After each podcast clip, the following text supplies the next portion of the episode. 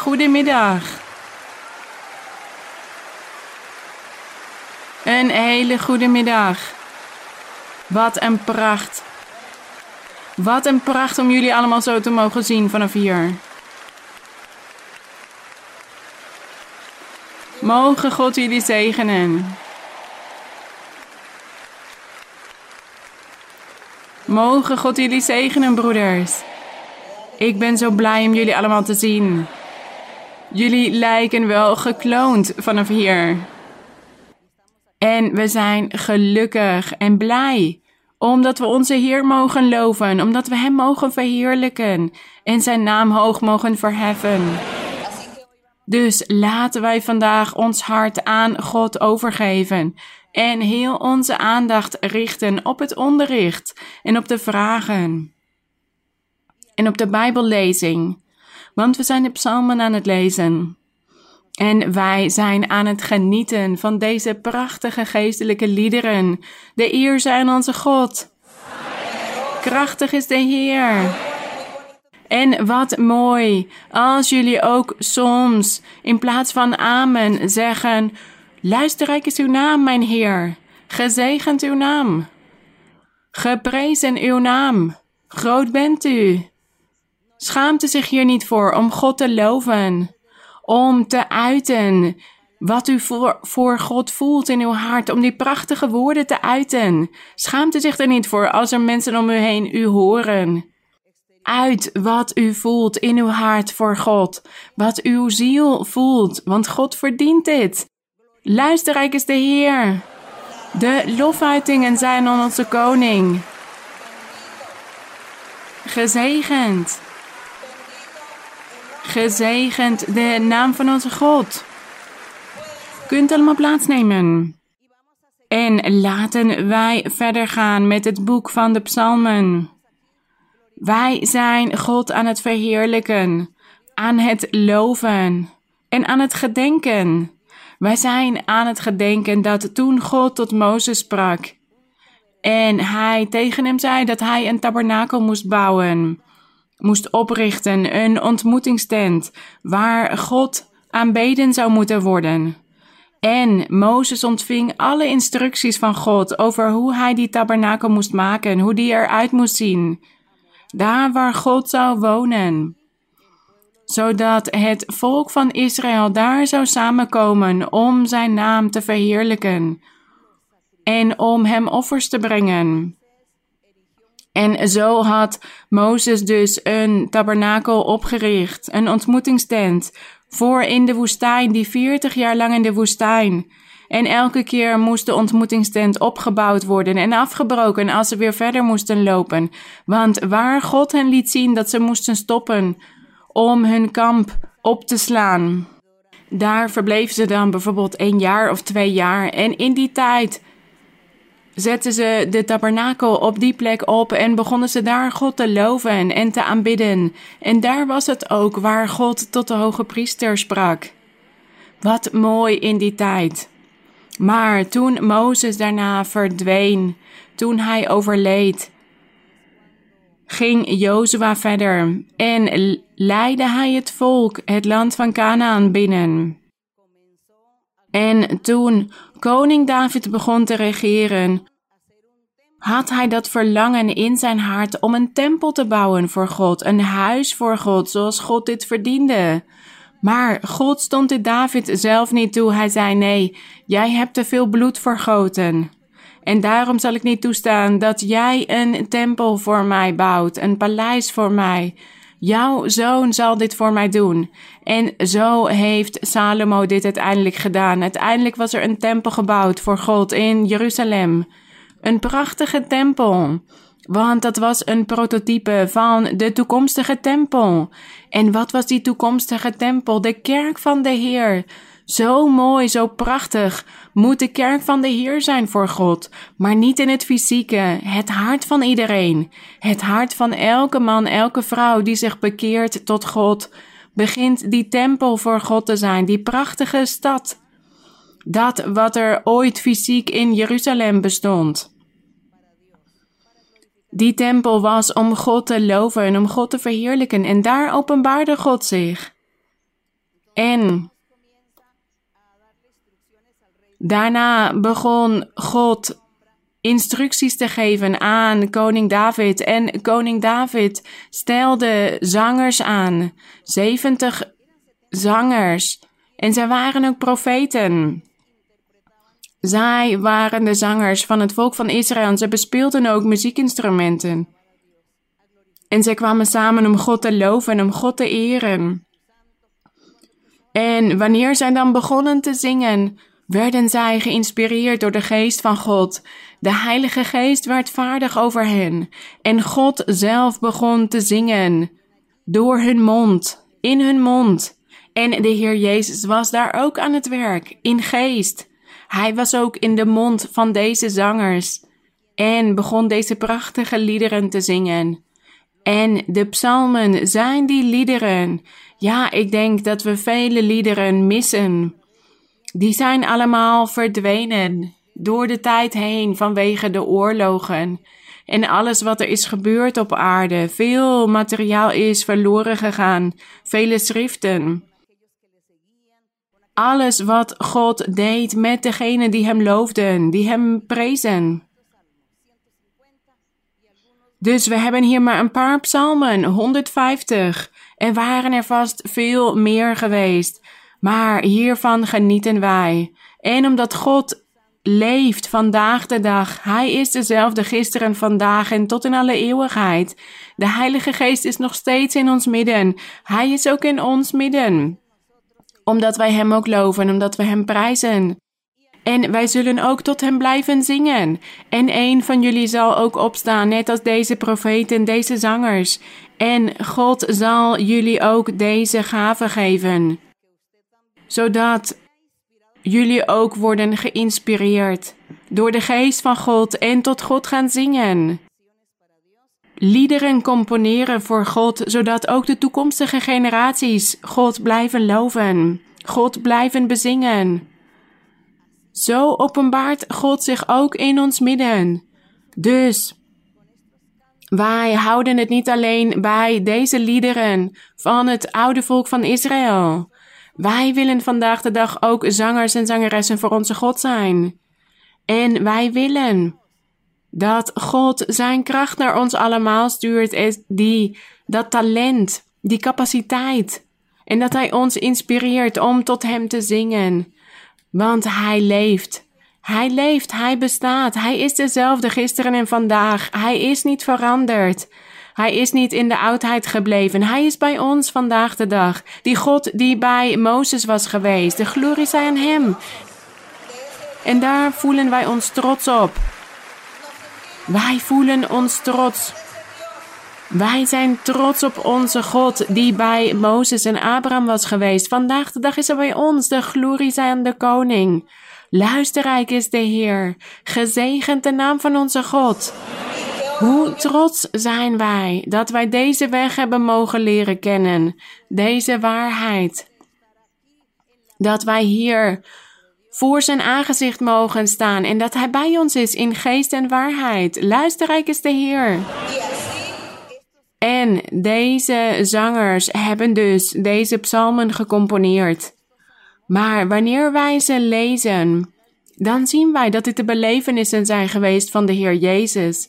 Hij is het die zingt, Hij is het die bidt tot God, die spreekt tot de Vader, die bemiddelt voor zijn volk, voor ons. Hij bemiddelt. En vandaag gaan wij dit dus ook overdenken. En wij gaan een aantal woorden uit ons hoofd leren, zodat wanneer wij in de kerk zijn en God aan het loven zijn, dat wij ook deze woorden gebruiken om God te loven. Dat wij een aantal zinnen uit de psalmen gebruiken om tegen God te zeggen. En wij gaan daar onze eigen woorden aan toevoegen. Woorden die uit ons hart komen. En die overeenkomen met onze eigen belevenissen. Met de manier van leven vandaag in de moderniteit. Dus wij kunnen hier zelf woorden aan toevoegen wanneer we tot de Heer spreken en wanneer we Hem loven, wanneer we tot Hem zingen.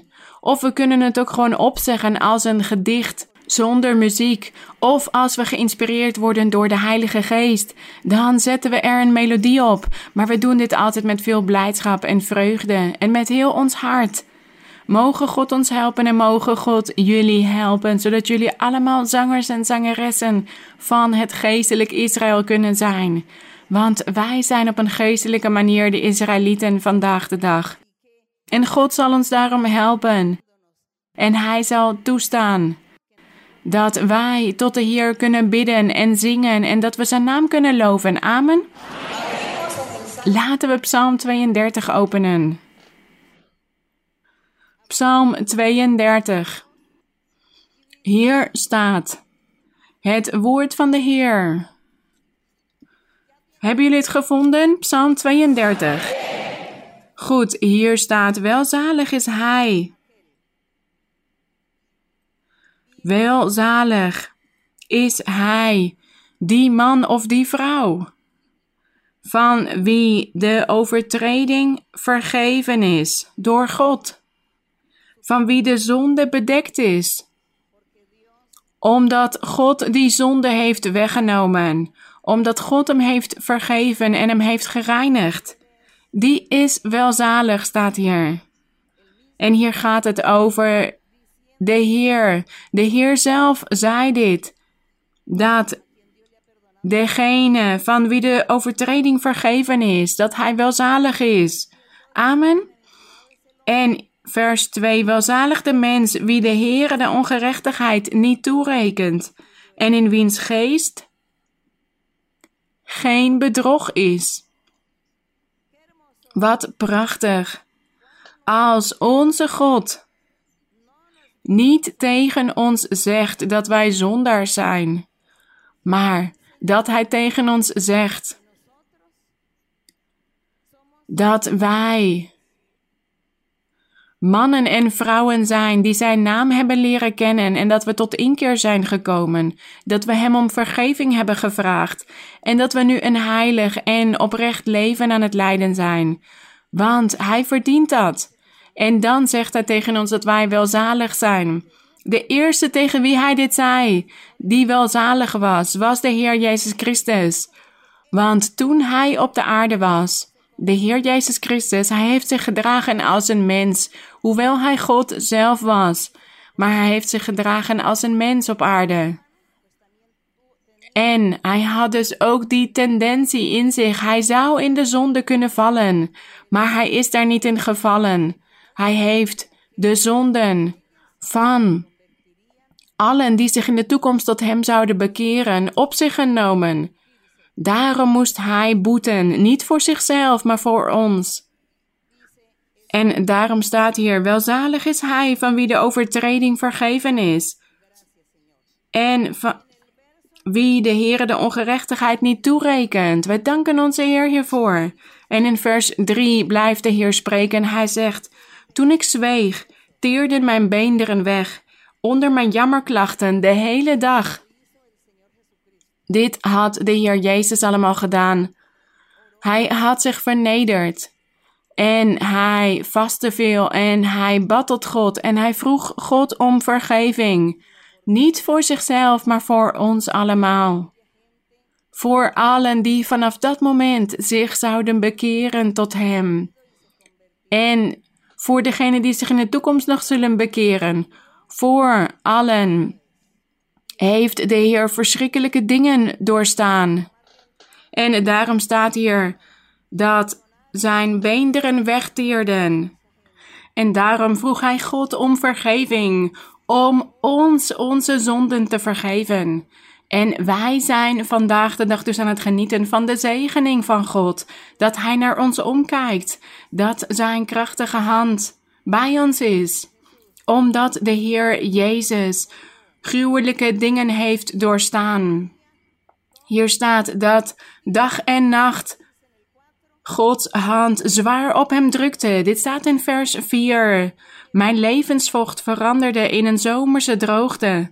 Dit heeft de Heer allemaal geleden.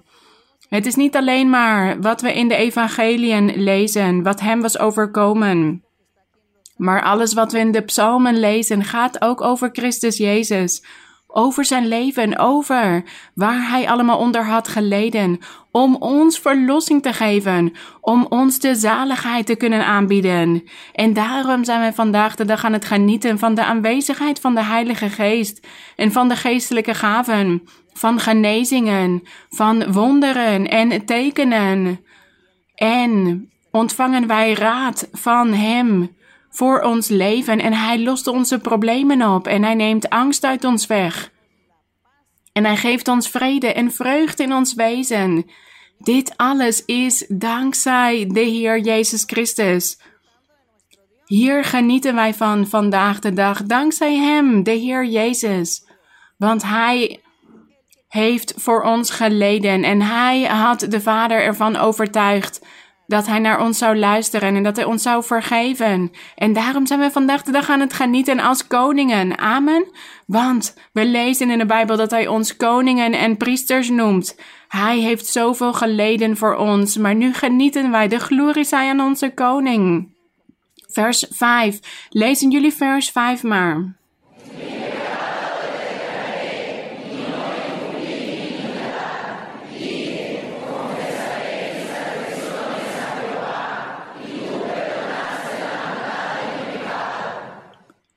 Hier staat dat de Heer zei: Mijn zonde maakte ik u bekend. Maar dit was natuurlijk niet zijn zonde, dit was onze zonde.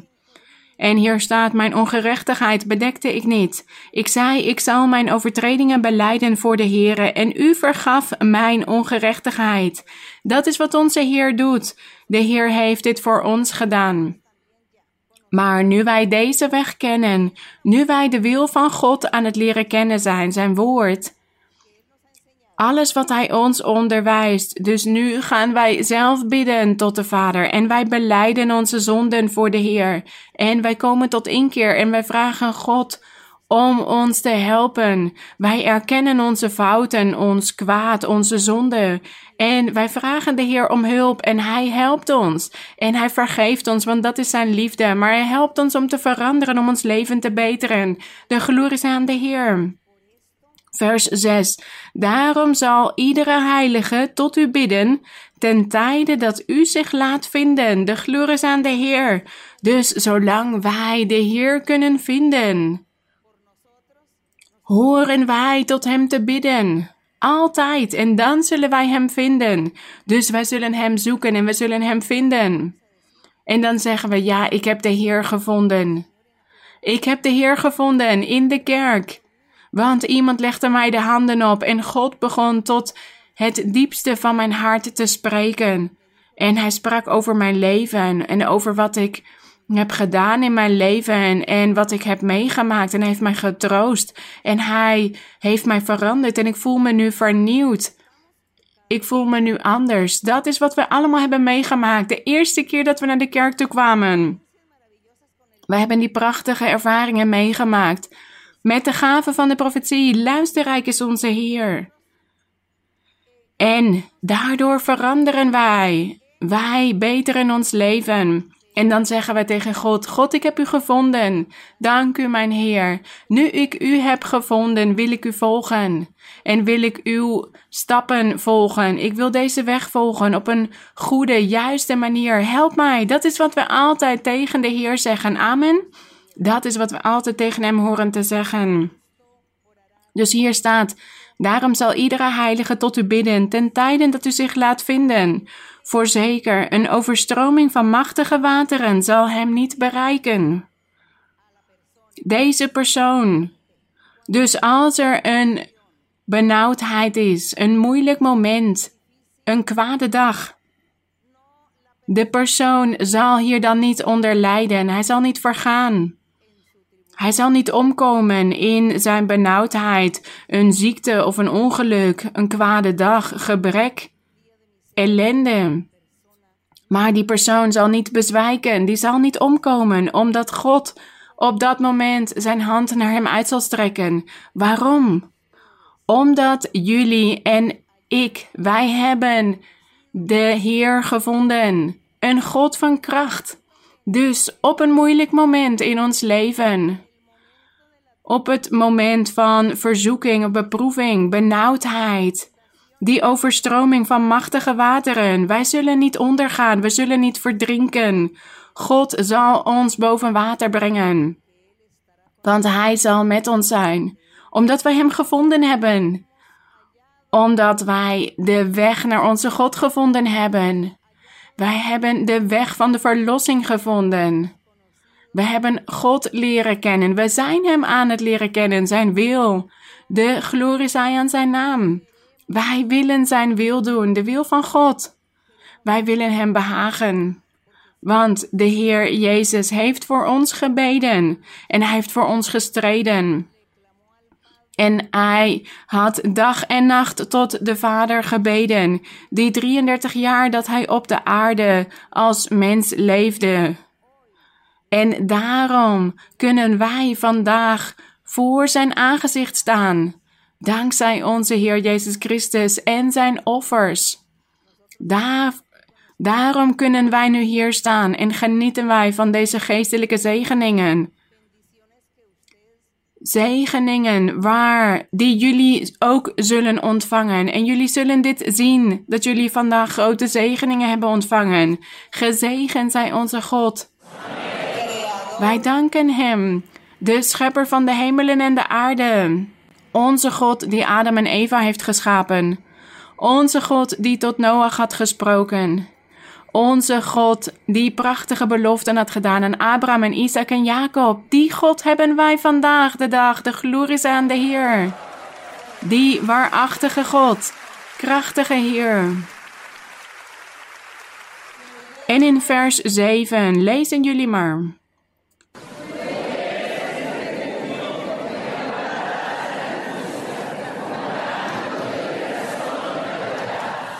U bent mijn schuilplaats. Hoeveel van jullie geloven hierin dat God onze schuilplaats is? En hoeveel van jullie zeggen in jullie gebeden en jullie lofuitingen tot de Heer dat Hij onze schuilplaats is? Zo horen wij tot God te bidden. Zo horen wij God te loven. U bent mijn schuilplaats. U bent die sterke rots die vaste rots waarin ik mij verberg. Op de kwade dag. Lezen jullie vers 8.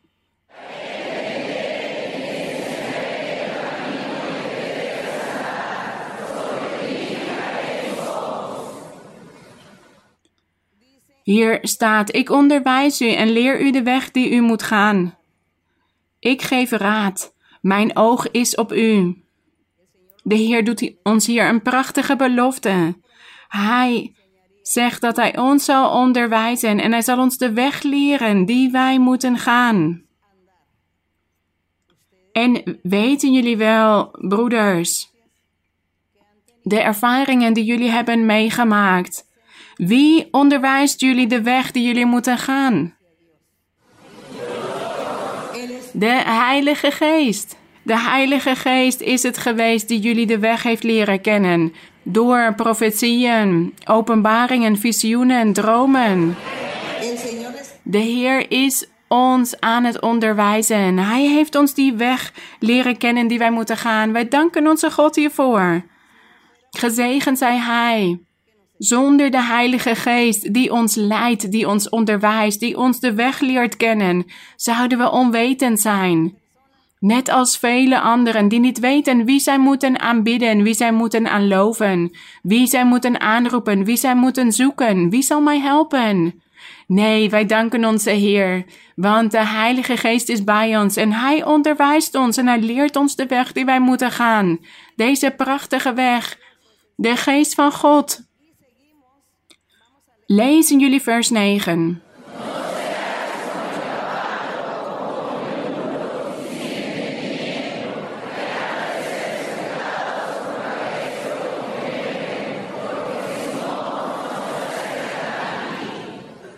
Hier vermaant God ons. Hij zegt hier: wees niet als een paard, als een muildier dat geen verstand heeft. Nee, we moeten juist wijs zijn, intelligent en wat nog meer. Dat we veel verstand hebben. En scherpzinnig zijn om God te zoeken. En laten we verder gaan. We zijn bijna klaar met dit psalm. Hier in vers 10 staat: De goddeloze heeft veel smarten. Maar wie op de Heere vertrouwt, hem zal wat omringen? De goede tierenheid. Wij danken onze God. Dit is een prachtige belofte, toch? Dat de Heer tegen ons zegt.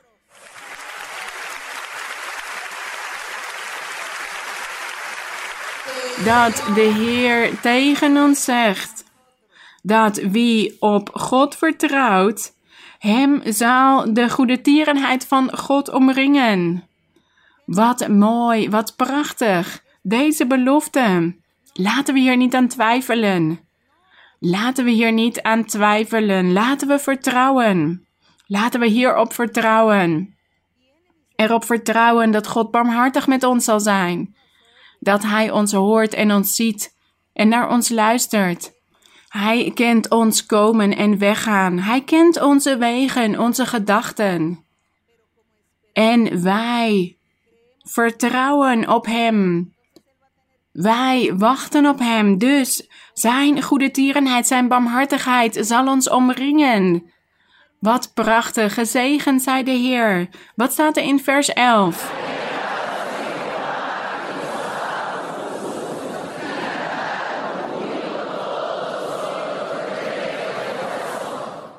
Wat prachtig. Wat een prachtige woorden. Broeders, deze woorden horen wij uit ons hoofd te leren en dit diep in ons hart op te slaan. En elke keer dat wij een moeilijk moment meemaken, een benauwdheid, zeg dan tegen de Heer: Heer, maar gedenk dat de rechtvaardigen zich moeten verblijden in U en vrolijk moeten zingen. Help mij dus. Ik wil vrolijk zijn, vrolijk zingen. Ik wil oprecht van hart zijn. Ik wil rechtvaardig zijn. En ik bid tot u, mijn Heer, want ik maak een moeilijk moment mee. Dit is een beproeving in mijn leven en ik wil dat u mij bijstaat en dat dit wat hier geschreven staat, dat het in mijn leven werkelijkheid wordt. Dat uw goede tierenheid de rechtvaardigen omringen, de oprechten van hart, degenen die op u vertrouwen. Heer, ik sta hier voor u. Wees barmhartig met mij, want ik heb u gevonden. Ik heb u gevonden, mijn Heer. Ik ben u aan het leren kennen. Gezegend zij de Heer. Ik ben u aan het leren kennen, mijn Heer, en ik wil u behagen. Ik wil dicht bij u zijn. En ik wil dat u gelukkig bent over mij dat u tevreden bent over mij. Dat is wat wij de Heer gaan zeggen en in onze lofuitingen ook tot de Heer gaan zeggen. De glorie is aan de Heer. Laten we met de vragen van vandaag beginnen. Zuster Marie-Louisa, welkom in Tolima en Ibagué. Onze harten zijn vol geluk en blijdschap vanwege uw aanwezigheid. Mijn vraag, zuster, staat in Hebreeën hoofdstuk 8, vers 11. Hebreeën 8, 11. Ja, zuster. En zij zullen beslist niet ieder zijn naaste en ieder zijn broeder onderwijzen en zeggen: Ken de Heere, want zij allen zullen mij kennen, van klein tot groot onder hen. Zuster, de openbaring van de geloofsleer of de uitleg van een vers. Kan God dat aan een gelovige geven of is dit alleen maar voor degene die de bediening heeft? Nee, zuster, de openbaring van de geloofsleer geeft God aan de apostelen, de profeten, de evangelisten, de herders en de leraars. Profeten of profetessen, evangelisten, mannelijke evangelisten of vrouwelijke evangelisten, mannelijke of vrouwelijke apostelen, leraars of leraressen. Aan hen geeft God die openbaringen van de geloofsleer. Dus als er onder jullie de gelovigen, als er een gelovige is die van God die gaven krijgt. Dus God maakt van hem een profeet of een apostel of een evangelist of een leraar. Dan zal God hem de geloofsleer openbaren en God zal hem bekendmaken. God zal ervoor zorgen dat degenen die de leiding hebben over de kerk, dat zij die persoon gaan zien en hoe God die persoon gebruikt en welke gaven hij heeft gegeven aan die persoon. Zo gebeurt dit. Dus de gelovigen hebben er recht op, mannen en vrouwen, om leraars, leraressen te zijn, profeten, herders, apostelen, profetessen. Iedereen heeft hier recht op. De Heer zegt: zoek mij. En degene die zijn hart bereidwillig stelt, die geeft God dit soort gaven. Dus als u wil dat God zijn geloofsleer aan u openbaart, dan moet u heel eerlijk zijn met God, oprecht, veel de Bijbel lezen, uw hart bereidwillig stellen. En veel de Bijbel lezen. U moet heel veel de Bijbel lezen, want u moet de algemene concepten uit de Bijbel kennen. Ook de geschiedenis, de gewoonten, de gebruiken uit de oudheid. En dan kunt u tegen de Heer zeggen: Ja, ik ken de Bijbel nu goed. Ik weet veel dingen uit de Bijbel. Dus nu ben ik er klaar voor dat u van mij een leraar of een lerares maakt. Of een groots profeet, een apostel, een evangelist. Want we hebben hen nodig. We hebben vele mensen nodig die God willen dienen. En er zijn vele steden en dorpen die op een herder, een pastoor aan het wachten zijn. Dus wie van jullie willen gezonden worden? Maar mogen dit werkelijk zo zijn? Dus niet alleen maar amen zeggen, maar dat we dit werkelijk verlangen in ons hart. Goed, laten we verder gaan. Goedemiddag, zuster Marie-Louisa. Wij zijn erg gelukkig dat u vandaag bij ons bent. Mogen God u altijd blijven zegenen. Ik heb een vraag uit de Bijbel over 1 Petrus hoofdstuk 3 vers 18 en 19. 1 Petrus 3 vers 18 en 19. Mag ik lezen, zuster? Maar, broeder, mijn excuses, sta mij even toe, want de zuster die net de vraag stelde, had ook een vers uit de Bijbel gelezen, maar ik heb haar niet uitgelegd, ik heb haar geen uitleg gegeven over dat vers. Dus, broeder, sta mij even toe dat ik de zuster nog een antwoord geef, en dan kom ik bij u terug. Hebreeën 8, vers 11. Hier staat. En zij zullen beslist niet ieder zijn naaste en ieder zijn broeder onderwijzen en zeggen, ken de Heere, want zij allen zullen mij kennen, van klein tot groot onder hen, oftewel van jong tot oud, zou ik zeggen.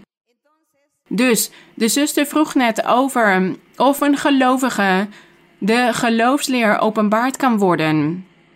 Maar hier gaat het niet over de geloofsleer in dit vers. Hier staat, zij zullen beslist niet ieder zijn naast en ieder zijn broeder onderwijzen en zeggen: Ken de Heer, want zij zullen allen mij kennen. Hoe kennen wij God? Hoe hebben jullie God leren kennen? Door middel van wat? Door middel van de Heilige Geest of de profetie. In het algemeen leren wij God kennen door profetie. Anderen omdat ze een droom hebben gehad. En God heeft hen de kerk laten zien in een droom. En toen ze hier naartoe kwamen, begon de Heilige Geest tot hen te spreken. En door de Heilige Geest hebben wij God leren kennen. Door de profetie. En dankzij de profetie bleven wij naar de kerk toe komen in het begin, omdat God ons ervan had overtuigd dat Hij hier aanwezig is. Dus dat betekent dat wij God kennen, dat wij Zijn weg kennen. Dat is waar dit vers over gaat. Dus dit vers betekent niet dat God aan iedereen van jong tot oud de geloofsleer gaat openbaren. En dat u zegt: nee, ik ga mij door niemand laten onderwijzen, want God gaat het mijzelf openbaren. Nee, dat is onjuist. Hier staat dat geen enkel persoon tegen u kan zeggen: ik ga u leren God te kennen. Nee, God zal zichzelf aan ons openbaren door middel van de Heilige Geest, de profetie. En Hij is het die ons overtuigt dat Hij bestaat. Dat Hij zich openbaart in deze kerk. En daarom zijn jullie hier allemaal aanwezig en zeggen jullie: Ik ken de Heer, ik ken de weg van de Heer. Ik ken de weg naar het eeuwige leven. Amen. Dankzij de Heilige Geest. Goed, nu broeder, nu mag u een vraag stellen. In 1 Petrus, hoofdstuk 3. Ja, 1 Petrus 3, vers 18 en 19. Want ook Christus heeft eenmaal voor de zonden geleden. Hij, die rechtvaardig was, voor onrechtvaardigen, opdat hij ons tot God zou brengen. Hij is wel ter dood gebracht in het vlees, maar levend gemaakt door de geest. Door wie hij ook, toen hij heen ging, aan de geesten in de gevangenis gepredikt heeft. En zuster, in 2 Petrus, hoofdstuk 2, vers 5, staat er dat Noach de prediker van de gerechtigheid was. Dus mijn vraag is de volgende. Degenen die voor de zondvloed waren gestorven en na de zondvloed, totdat de wet van Mozes begon, heeft de Heer aan hen het evangelie verkondigd? Of wat heeft Noach dan verkondigd als er staat dat hij de prediker van de gerechtigheid was? En wat heeft de Heer Jezus Christus hen verkondigd? Waren dit dezelfde onderrichten, dezelfde verkondiging? Dank u, zuster. Mogen God u zegenen. Goed. Wat was Noach geweest? Een prediker van de gerechtigheid. En wat betekent gerechtigheid? Het rechte doen, het oprechte, het goede doen voor God. En Noach was dus de prediker van de gerechtigheid. Dus hij was niet de prediker van de verlossing. Hij was de prediker van de gerechtigheid. Dus wat heeft hij verkondigd? Zondig niet. Wees niet ongehoorzaam. Eer jullie vader en moeder. Begeer de vrouw van jullie naaste niet. Pleeg geen overspel. Steel niet van wezen of weduwen. Neem van de hulpelozen niks af. Pleeg geen overspel, geen ontucht, moord niet. Wees geen afgodendienaars. Geloof niet in afgoden, in andere goden. Dat is wat Noach hen verkondigde. De prediker van de gerechtigheid, oftewel het goede doen het oprechte doen. En hij zei: Kom tot inkeer. Stop met zondigen. Stop met die andere goden te vereren. Doe jullie naaste geen kwaad. Steel niks van jullie naaste. Zijn dieren of zijn opbrengst en oogst. Dat is wat Noach hen verkondigde, de prediker van de gerechtigheid. En toen de Heer Jezus die geesten in de gevangenis het evangelie verkondigden. Degene tussen Adam en Noach, in de tijd van Adam tot aan Noach. Degene die waren overleden in de zondvloed. Wat heeft de Heer hen verkondigd? De weg van de verlossing. Dus hij was niet de prediker van de gerechtigheid geweest, maar de prediker van de verlossing, van het geloven in Christus om verlost te worden. Dat is wat de Heer Jezus hen had verkondigd. Hij zei tegen hen: Er is een weg die leidt naar het eeuwige leven. Willen jullie verlost zijn? Willen jullie zalig worden? Geloof dan dat ik de weg ben. Ik ben het leven, ik ben de waarheid. Degene die in mij gelooft, zal het eeuwige leven hebben, zal de zaligheid ontvangen. Dat is wat de Heer Jezus, die geesten in de gevangenis had verkondigd. Dus heel anders dan wat Noach had verkondigd. Hadden jullie hier wel zo over nagedacht? Nee, zeg maar gewoon. Nee, we hadden dit nooit zo gezien. Ja, dit is de geloofsleer die God ons openbaart. Wanneer wij Hem overdenken, begint Hij dit soort dingen aan ons te openbaren en daar genieten wij van. Kijk hoe prachtig. En zo loven wij de Heer ook. De glorie is aan de Heer, de eer aan onze God. Laten we verder gaan met de volgende vraag. Zuster Marie-Louisa, goedemiddag. Mogen God u zegenen?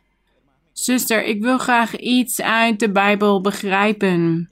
In 1 Korinthe, hoofdstuk 9, vers 22 en 23. Dus laten we allemaal 1 Korinthe zoeken. 1 Korinthe hoofdstuk 9, vers 22? Ja, en 23. Als de broeders het gevonden hebben, we moeten namelijk snel leren in de Bijbel de boeken te vinden. Eerste Korinthe, zodat we allemaal mee kunnen doen. Dus degene die het al gevonden hebben, lees het maar. Eerste Korinthe 9, vers 22.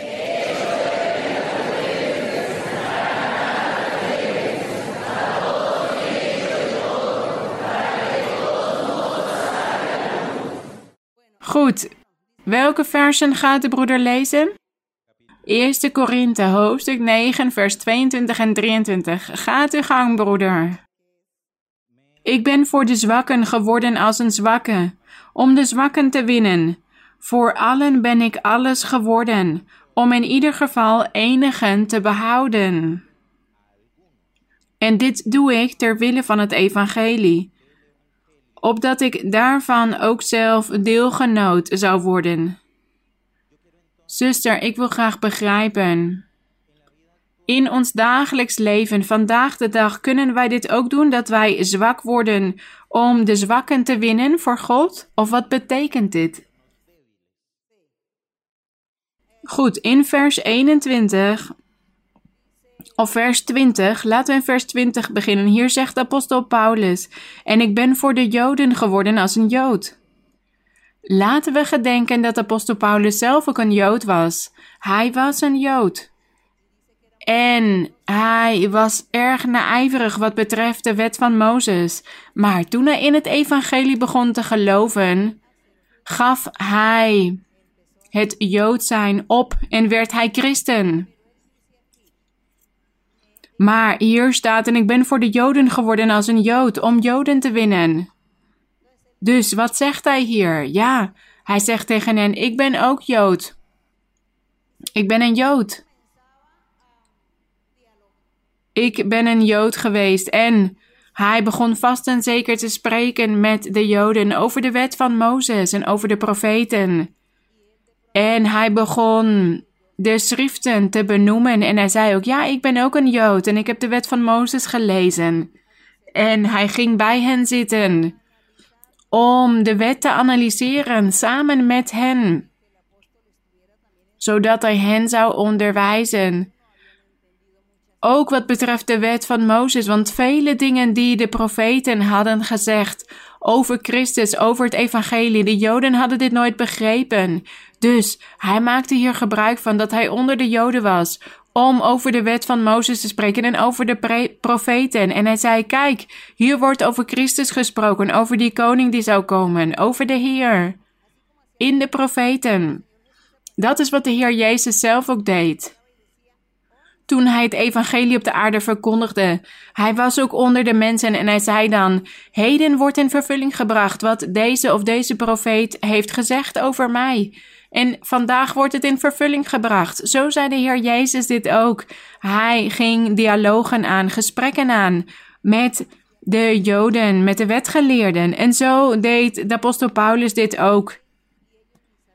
Wellicht wisten de Joden niet eens dat hij christen was geworden. Maar ze luisterden naar hem, omdat hij onder hen ook als een Jood was. En hij zei: Ik deed dit om Joden te winnen voor het evangelie. Dus hij begon met hen te spreken over wat zij kenden. En wellicht zeiden ze tegen hem: Wie heeft u dit allemaal onderwezen? Hoe weet u dit allemaal? En daarna zei hij dan wie hij was en identificeerde hij zichzelf als een christen. Dat is vast en zeker wat er was gebeurd. En hier staat: Voor hen die onder de wet zijn, ben ik geworden als onder de wet, om hen die onder de wet zijn te winnen. Dat was voor de Joden. En in vers 21 voor hen die zonder de wet zijn, oftewel de heidenen, ben ik geworden als zonder de wet. Hoewel niet zonder de wet van God, want ik sta onder de wet van Christus, om hen te winnen die zonder de wet zijn. Dus hij sprak ook tot de heidenen en zei ook: Ja, ik ben ook heiden geweest, ik kende God niet. Maar kijk, ik ben nu God aan het leren kennen en aan het ontdekken. Ik heb gehoord over Hem. En de Heer Jezus Christus heeft grote wonderen gedaan. Kijk hoe Hij zich heeft geopenbaard hier op de aarde en hoeveel wonderen van hem hebben ontvangen. En dit staat allemaal geschreven. God had dit allemaal aangekondigd. Dus die God ben ik nu aan het leren kennen. Zo sprak hij tot de heidenen, als een heiden. En de heidenen zeiden vast tegen hem: Hoe weet u dit allemaal over die God? Wat mooi, wat prachtig. Getuig hier nog meer van. Vertel ons meer. Dat is vast en zeker wat er was gebeurd. Want dat is wat hier staat. Voor hen die zonder de wet zijn, oftewel voor de heidenen, ben ik heiden geworden. Vers 22. Ik ben voor de zwakken geworden als een zwakke, om de zwakken te winnen. Maar wat is dus een zwakke? Het gaat hier niet over de zonde. Het gaat hier niet over mensen die in zonde leven. Deze zwakheid waar het hier over gaat. Bijvoorbeeld, ik ga jullie een illustratie geven, zodat jullie dit kunnen begrijpen wat dit betekent: zwak zijn. De Joden, zij hadden mensen die over hen heersten. En in de wet van Mozes stond geschreven: Als u een vrouw betrapt op overspel, moet zij gestenigd worden. En we lezen hoe de Heer op een gegeven moment aan het verkondigen was en dat de Fariseeën bij hem kwamen met een vrouw en dat ze zeiden: Heer, deze vrouw hebben wij op heterdaad betrapt toen zij overspel aan het plegen was. En volgens de wet van Mozes moeten we haar stenigen. Op dat moment, wie was de zwakke? De Fariseeën of de vrouw? Die vrouw was een zwakke. Waarom? Omdat zij geen stem had. Ze had niets te zeggen als vrouw. Als het een man zou zijn geweest, dan zou hij vast hebben gezegd: Ja, ik ga getuigen erbij halen en ik ga laten zien dat dit een leugen was. Ik heb geen overspel gepleegd. Ik ga getuigen zoeken, want daar heb ik recht op. Maar nee, omdat het een vrouw was, zij had geen stem, ze had geen rechten. En Wellicht was het een leugen en had ze helemaal geen overspel gepleegd. Of wellicht wel. Want de Heer is wel tussen beiden gekomen, dus wellicht was het wel waar. Maar hij kwam dus tussen beiden omdat zij zwak was. Zij had geen stem, ze had niets te zeggen. Ze had geen gezag, ze mocht niet eens haar mond openen om zichzelf te verdedigen. Ze kon alleen maar zwijgen en het laten gebeuren dat ze gestenigd werd. Dat is een zwakke, zij was een zwakke want ze had geen macht. Daarom staat hier dat apostel Paulus zwak was geworden voor de zwakken. Dus dat was voor degenen die geen stem hadden in de maatschappij, die zich niet konden verdedigen, die niet heersten. Dus ze hadden niks te zeggen, want ja, er is altijd een wet boven hen. En mensen die hoger zijn en belangrijk zijn. En die de baas kunnen spelen over die persoon. Die persoon kan zich dan niet verdedigen. Dus die persoon moet maar alles over zich laten komen wat anderen hem willen doen. Dat is die zwakheid. Daarom was deze vrouw zwak, maar de Heer had haar verdedigd. Dus wij zijn ook burgers, bijvoorbeeld van Colombia. En er staan mensen boven ons. Zij zijn superieur aan ons. We hebben een president, een minister, een gouverneur, een rechter, een aanklager. Zij hebben de macht over ons. Wij zijn zwak tegenover hen. Waarom? Omdat ik geen rechter ben, geen aanklager. Ik ben geen burgemeester, ik ben geen president. Dus ik ben zwak. Als ze iets tegen mij willen doen, als ze mij kwaad willen doen, dan kunnen ze dat doen vanwege hun functie, vanwege hun positie in de maatschappij. Ben ik zwak? Dat betekent deze zwakheid. Het gaat hier niet over de zonde. Het gaat hier over geen macht hebben. En hier zegt apostel Paulus dus: Ik ben voor de zwakken geworden als een zwakke, oftewel machteloos. Ik ben net zo machteloos als hen. Zij kunnen zich ook niet verdedigen, ze kunnen niet spreken. Ze mogen niets weten. En waarom deed hij zo? Om de zwakken te winnen, staat hier. En die zwakken, hij had het vast over de Joden, die geen belangrijke rang in de maatschappij hadden. Zij werden als slaven behandeld en vernederd, vervolgd door de Joden die wel een belangrijke rang hadden in de maatschappij en die macht hadden om tegen hen op te staan, om tegen hen iets te doen. Bijvoorbeeld de weduwen en wezen, zij waren zwakken. Want als de fariseeën kwamen en de schriftgeleerden, de wetgeleerden, dan kwamen zij met deurwaarders op de weduwen en de wezen af om hun bezittingen af te nemen en zij konden daar niks tegen doen. Waarom? Waarom niet? Omdat zij zwak waren. En die andere Joden waren dus als een baas over hen, superieur aan hen. Iemand die boven hen staat, zodat jullie het begrijpen. Een baas of iemand die superieur aan ons is. Ik hoop dat jullie mij begrijpen, want soms ben ik zo erg hier aanwezig dat ik vergeet dat dit opgenomen wordt en dat dit in allemaal andere landen wordt gezien en dat ik voor iedereen moet spreken. Maar ja, we hebben het over een baas of iemand die over ons heerst. Een burgemeester. Op die manier zijn we dan zwak. Want we zeggen: ja, niemand luistert naar mij. Ik ben niemand. Niemand kijkt naar mij om. Niemand luistert naar mij. Dus de apostel Paulus ging vast en zeker naar de weduwen en de wezen toe. Zij hadden geen enkele stem in de maatschappij, ze konden niks zeggen. Maar de apostel Paulus ging naar hen toe en zei: Kijk, ik ben ook zwak, want als fariseeën en de wetgeleerden naar mij toe komen, dan kunnen ze mij stenigen of ze kunnen mij zweepslagen geven. Ik kan mij niet verdedigen. Ik ben ook zwak wat dat betreft. Want als ze tegen mij zeggen of over mij zeggen dat ik valse geloofsleer aan het onderwijzen ben, dan kunnen ze mij zweepslagen geven, of mij stenigen of mij in de gevangenis zetten. En ik moet dat dan doen. God zal mij beschermen en hij zal me uit de gevangenis halen. Maar ik ben in hun ogen zwak, want zij hebben titels, zij hebben een belangrijke rang.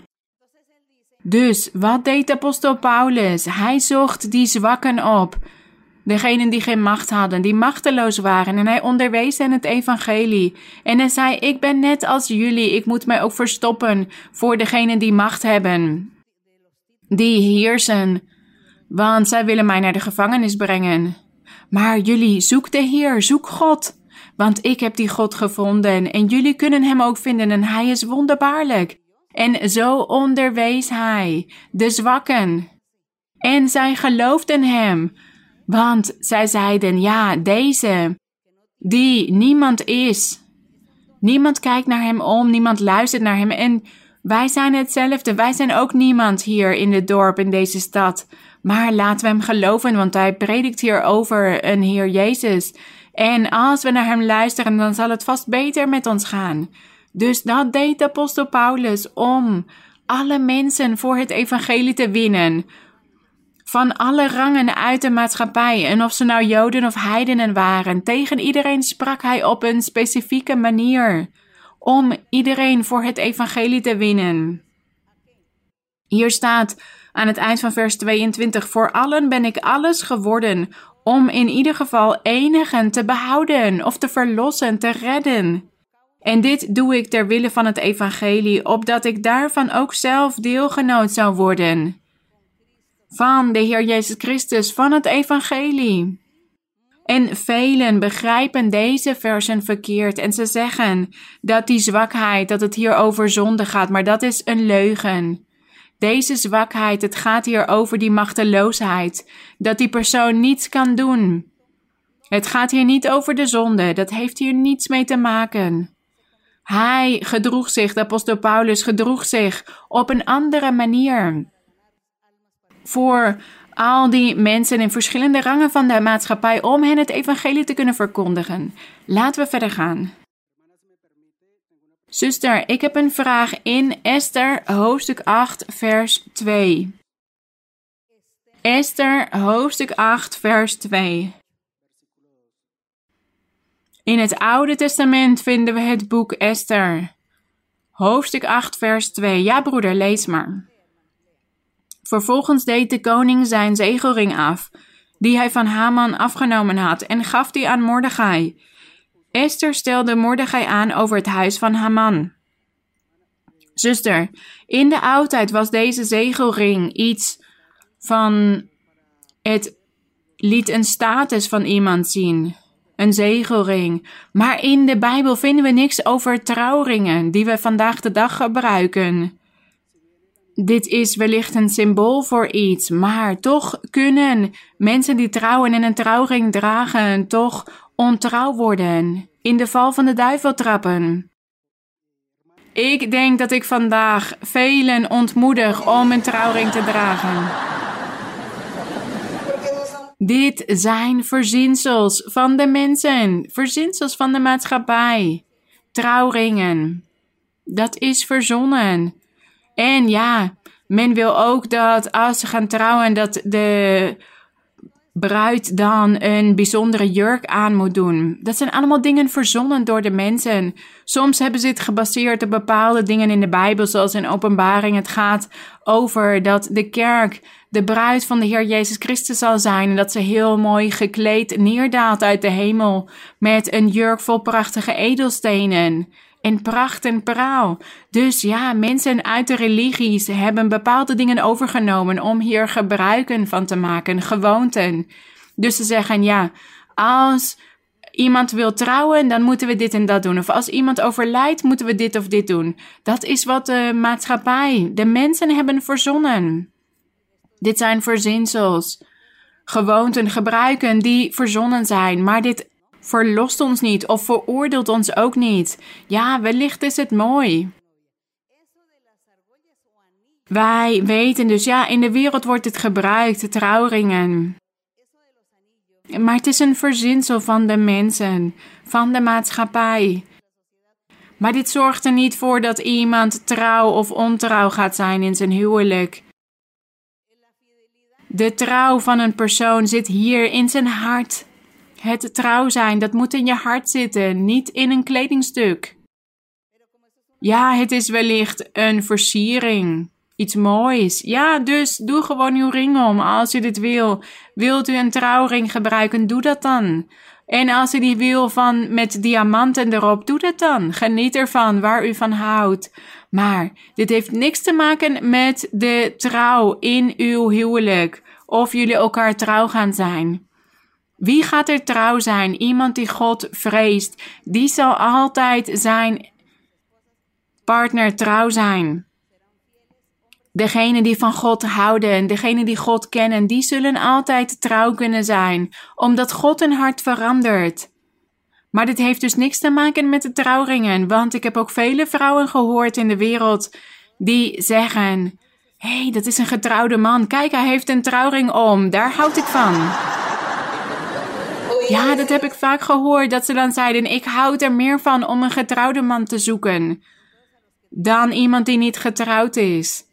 Want ik ga proberen om hem voor mij te veroveren. Zien jullie wel, een trouwring geeft niks en neemt ook niks af. Nee, het ligt aan het hart, aan de oprechtheid van de persoon en of die persoon God vreest, of die persoon ontzag heeft voor God en respect voor zijn vrouw, voor haar man, voor de kinderen. Daar hangt het allemaal van af. Dus laten we altijd God zoeken, zodat we allemaal gelukkig kunnen zijn. De eer zij aan onze God, de Almachtige. Laten we gaan bidden en laten we vrijheid geven aan de Heilige Geest. Gezegende God, Heilige Vader, Vader van onze Heer Jezus Christus, Koning der Koningen en Heere der Heren. Gezegend en geprezen zij uw naam. Wij staan hier voor u op dit moment, voor uw aangezicht, om u te bedanken voor deze bijeenkomst, want we hebben gesproken over uw woord. We hebben uw woord overdacht, uw geloofsleer. We hebben over u gesproken en ons hart is daardoor verblijd. Onze ziel looft u, mijn Heer, en wij zijn verheugd in u, mijn Heer. Gezegende Heer, ik vraag u om uw krachtige hand uit te strekken, om wonderen te verrichten, tekenen vandaag. Bezoek elk hart, mijn Heer. Kijk om naar iedereen en strek uw krachtige hand uit naar elke man, elke vrouw, elk kind, mijn Heer, en doe wonderen, bevrijd. En neem de kracht van de duivel weg, de jaloezie van de duivel. Neem ketens weg, breek die ketens, mijn Heer, en verbreek die banden. Vernietig het werk van het kwaad en neem onkruid weg en haat. Haat dat de duivel in het harten van sommigen heeft gezaaid om verdeeldheid te, te veroorzaken, om eensgezindheid en broederschap te vernietigen onder hen die u liefhebben, die uw woord liefhebben. De duivel heeft dit allemaal gedaan om vrede te vernietigen, om rust en geluk weg te nemen en om de geestelijke levens te vernietigen, stil te laten staan.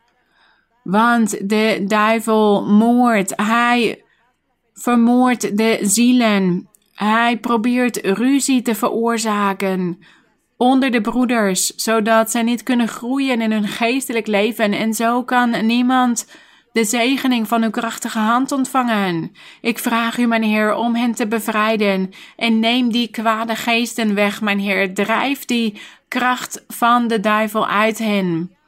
Neem het kwade weg, mijn Heer, en al die vervloekingen en tovenarijen. Vernietig het kwaad, mijn Heer, en bevrijd. Bevrijd degenen die gevangenen zijn van de duivel. Drijf kwade geesten uit, demonen, uit de mentaliteit van iedereen, uit hun hersenen, hun lichaam, hun manier van denken en handelen. Bevrijd, bevrijd, mijn Heer, en breek die ketens.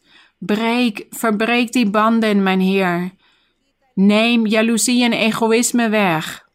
Help iedereen, zodat iedereen liefde kan hebben voor u en vergeving in hun hart reiniging, bevrijding in hun hart, vrijheid en dat zij werkelijk hun fouten erkennen, hun zonden erkennen voor u, zodat uw Heilige Geest naar hen toe kan komen en hun hart kan doordringen en hun kan reinigen, meneer. Reinig, meneer. Zegen iedereen en breek al die ketens. Verbreek al die banden. Neem dat de kracht van het kwaad weg, mijn Heer. Jaloezie, trots, wanordelijke begeerten. Neem dit allemaal weg, mijn Heer. Vernietig dit, die onreinheden. Wees barmhartig, mijn Heer. En woon in het hart van iedereen. Wees barmhartig, mijn Heer. Wij vertrouwen op U. Wij verwachten U, mijn Heer, want we hebben alleen U, mijn Heer. U bent onze Vader, onze Schepper, onze eigenaar. En wij vragen u, mijn Heer, om barmhartig te zijn met ons. Heb ontferming, mijn Heer. Neem twijfel weg, ongeloof, opstandigheid, koppigheid, hardnekkigheid. Help, mijn Heer, allen die een verduisterd verstand hebben, zodat zij uw weg kunnen begrijpen, uw woord. Heilige Vader, uw barmhartigheid, mogen die op ons neerdalen en ook uw Heilige Geest de kracht uit de hoogte, mijn Heer. Stuur uw kracht. Zend uw kracht op ons, mijn Heer, de Heilige Geest en genees en reinig. En genees ook degenen die ziek zijn, die ongeneeslijk ziek zijn. Genees hen, mijn Heer. Mogen dit weggenomen worden, verlammingen, degenen die in een rolstoel zitten of die het Down-syndroom hebben, degenen die ziek zijn in hun hersenen, die schizofreen zijn, die niet bij hun gezonde verstand zijn, mijn Heer. Ik vraag u, mijn Heer, om hen te bevrijden in de luisterrijke naam van de Heer Jezus Christus, uw geliefde Zoon. Genees, mijn Heer, en bevrijd. Doe wonderen, mijn Heer. Verricht die wonderen in hen. En help ons allemaal. Geef ons de capaciteit om u te dienen. Om ons aan u over te geven, mijn Heer. Om uw naam te loven. Om u te eren en te verheerlijken. Geef ons die capaciteit, gezegende God. Verbreek de banden. En stuur uw kracht, uw geestelijke kracht, uw geestelijke gaven. De doop met de Heilige Geest Stuur vuur uit de hemel, mijn Heer. Vuur uit de hemel daal neer. En mogen er wonderen verricht worden, tekenen, te midden van uw volk, uw kinderen. Neem die geestelijke sloomheid weg. Breek die ketens, verbreek de banden, mijn Heer. We danken u, mijn Heer. Gezegend zij u tot in alle eeuwigheid. Wij loven u, wij zegenen u. Wij prijzen u. Vader, in de naam van Jezus Christus, uw Zoon. Geef ons blijdschap en vreugde, mijn Heer. Geef ons geloof en vertrouwen op u. Zegen uw volk, mijn Heer. Zegen ons. En geef geestelijke zegeningen. Ik zal jullie die geestelijke zegeningen geven. Ja, mijn Heer, dank u. U zult die geestelijke zegeningen geven en materiële zegeningen. En u gaat wonderen verrichten en tekenen. En u zult dopen met uw grote kracht. Iedereen heeft een verzoek voor u, een behoefte. En u gaat hen helpen, mijn Heer. U gaat hen zegenen. U gaat hen die hartverlangens vervullen, mijn Heer. Die verzoeken, die behoeften, mijn Heer. U gaat hen hier, hierin voorzien. We danken u, eeuwige God, in de naam van de Heer Jezus Christus. De glorie is aan de Heer. Luisterrijk bent u. Halleluja. Krachtig is de koning. De eer zij aan uw naam tot in alle eeuwigheid. Krachtig is de koning, krachtig is de heilige die leeft tot in alle eeuwigheid.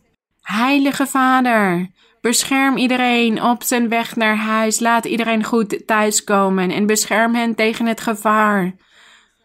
Tegen welke aanval dan ook. Zegen hen en zorg ervoor dat ze goed thuiskomen, mijn Heer. Waar ze ook maar wonen, bescherm hen tegen het kwaad, mijn Heer. En het mogen uw zegening bij iedereen zijn. Er zijn vele zegeningen geweest en veel geestelijke voorspoed, vele overwinningen, veel vooruitgang in het geestelijke zal er zijn in velen vanaf dit moment. Vele overwinningen zal ik jullie geven vele veranderingen in jullie leven en vele gezinnen zullen weer hersteld worden, zullen weer samenkomen. En vele verlangens zullen vervuld worden.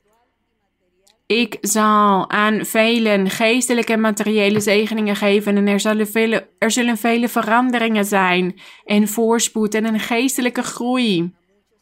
En ik zal velen ook materiële zegeningen geven ik zal sommigen extra geld geven, want ze hebben dit nodig. En ik zal de mentaliteit van velen veranderen en ik zal vooruitgang geven. Geestelijke overwinningen en ook materiële overwinningen voor jullie allemaal. En verandering van leven, bevrijding en geluk, vrede en rust zal ik geven. Dus ga door. Doe moeite. Wees vlijtig, wees dapper en oprecht op jullie weg. En blijf deze weg van de volmaaktheid zoeken. Blijf op deze weg lopen, want de zegeningen zijn voor jullie allemaal. Positieve veranderingen. We danken u, mijn Heer. Wij danken u, eeuwige God. Wij danken u, Hemelse Vader. Wij danken u voor de wonderen voor de genezingen en voor alles wat u hebt gedaan en wat u nog gaat doen. Wat u doet in ons leven. Wij danken u, mijn Heer, want u spreekt tot ons. U richt uw woorden tot ons en we danken u, want wij zijn dit niet waard, maar u kijkt naar ons om. U kijkt naar ons met ogen vol barmhartigheid. We danken u, mijn Heer. Hoe kunnen wij u ooit iets teruggeven voor alles wat u voor ons hebt gedaan, mijn Heer. U bent liefde, u bent barmhartigheid. Gezegend tot in alle eeuwigheid, krachtig bent u.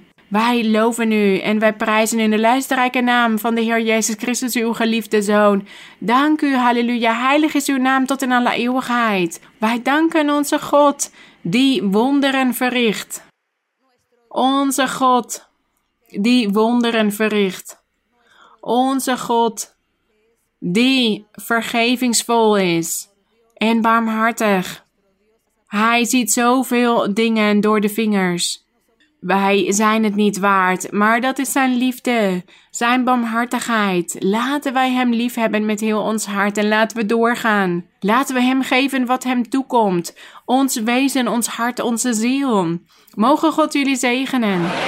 Mogen God ook iedereen zegenen die ons op de video zal zien. Aan jullie allemaal, broeders en zusters, iedereen, een groet en mogen God jullie zegenen. Voor jullie zijn ook deze zegeningen die God vandaag heeft beloofd. En wij danken de Heer hiervoor. Een omhelzing voor jullie allemaal. Ik hou van jullie in de Heere. De glorie aan de Koning. Gezegend de naam van onze Heer. Dank jullie wel.